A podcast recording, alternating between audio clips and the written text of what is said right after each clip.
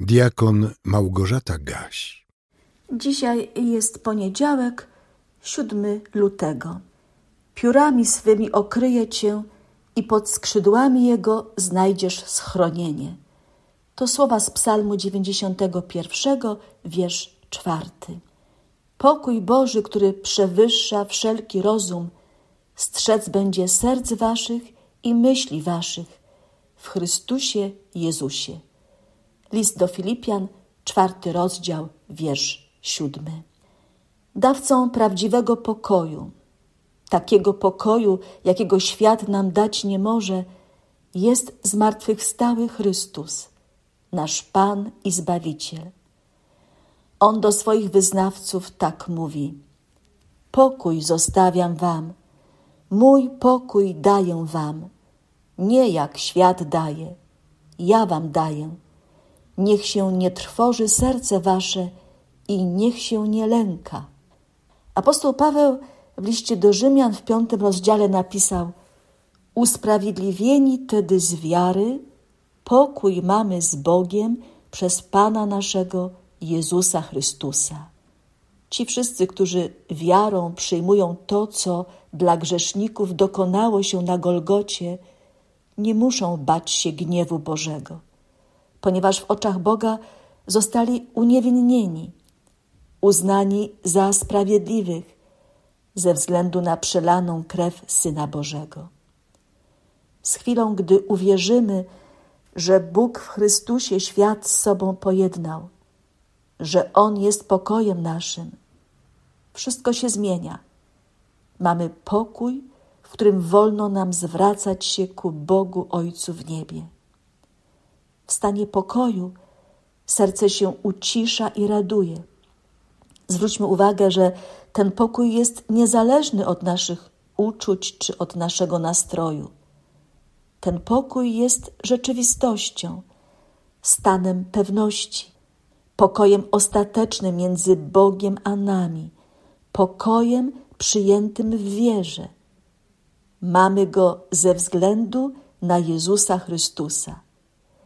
Dzięki niemu mamy też dostęp do Bożej łaski i możemy chlubić się nadzieją chwały Bożej.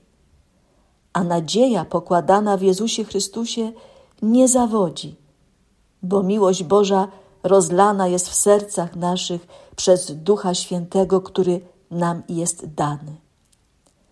Dla chrześcijanina najważniejsze powinno być życie w pokoju z Bogiem. Co to znaczy? To znaczy, że zależy mi na Bogu i robię wszystko, co w mojej mocy, by usuwać wszelkie przeszkody, które zakłócają czy też uniemożliwiają mi trwanie w społeczności z Nim, w bliskiej relacji, która powoduje moje wzrastanie w wierze. Pokój Boży jest cudownym darem dla ludzi wierzących. I każdy, kto tego pokoju doświadczył, pragnie go zachować na całe życie. Zdarza się niestety tak, że z powodu grzechu nie możemy tym pokojem się cieszyć tak długo, jak długo nie przyznamy się szczerze przed Bogiem do naszej winy. Ale gdy wyznajemy swoje grzechy, gdy szczerze żałujemy i przyrzekamy poprawę, Bóg nad nami się lituje i w swej wielkiej miłości przywraca nam pokój, przywraca radość, bo na nowo zyskujemy pewność, że znowu stanęliśmy na drodze prowadzącej do zbawienia. Tęsknota za Bożym pokojem, tęsknota za prawdziwą Bożą radością powinna być przez nas pielęgnowana, bo to nas uchroni przed zejściem na złą drogę. To nam dopomoże z jeszcze większą gorliwością szukać Pana i czekać na Pana. Sami z siebie nie jesteśmy zdolni do życia w pokoju z Bogiem, do życia w uświęceniu. Dlatego musimy codziennie gorliwie prosić o to, by Duch Święty nas prowadził, zmieniał, przekształcał, by wlewał w nasze serca Boży pokój, który przewyższa wszelki rozum. Módlmy się słowami dwunastowiecznej modlitwy Anselma z Canterbury. Panie Jezu, niech Twoje błogosławieństwo wypełni wszystkich, którzy Cię kochają. Ci, którzy przychodzą do Ciebie, niech będą zapisani w niebie.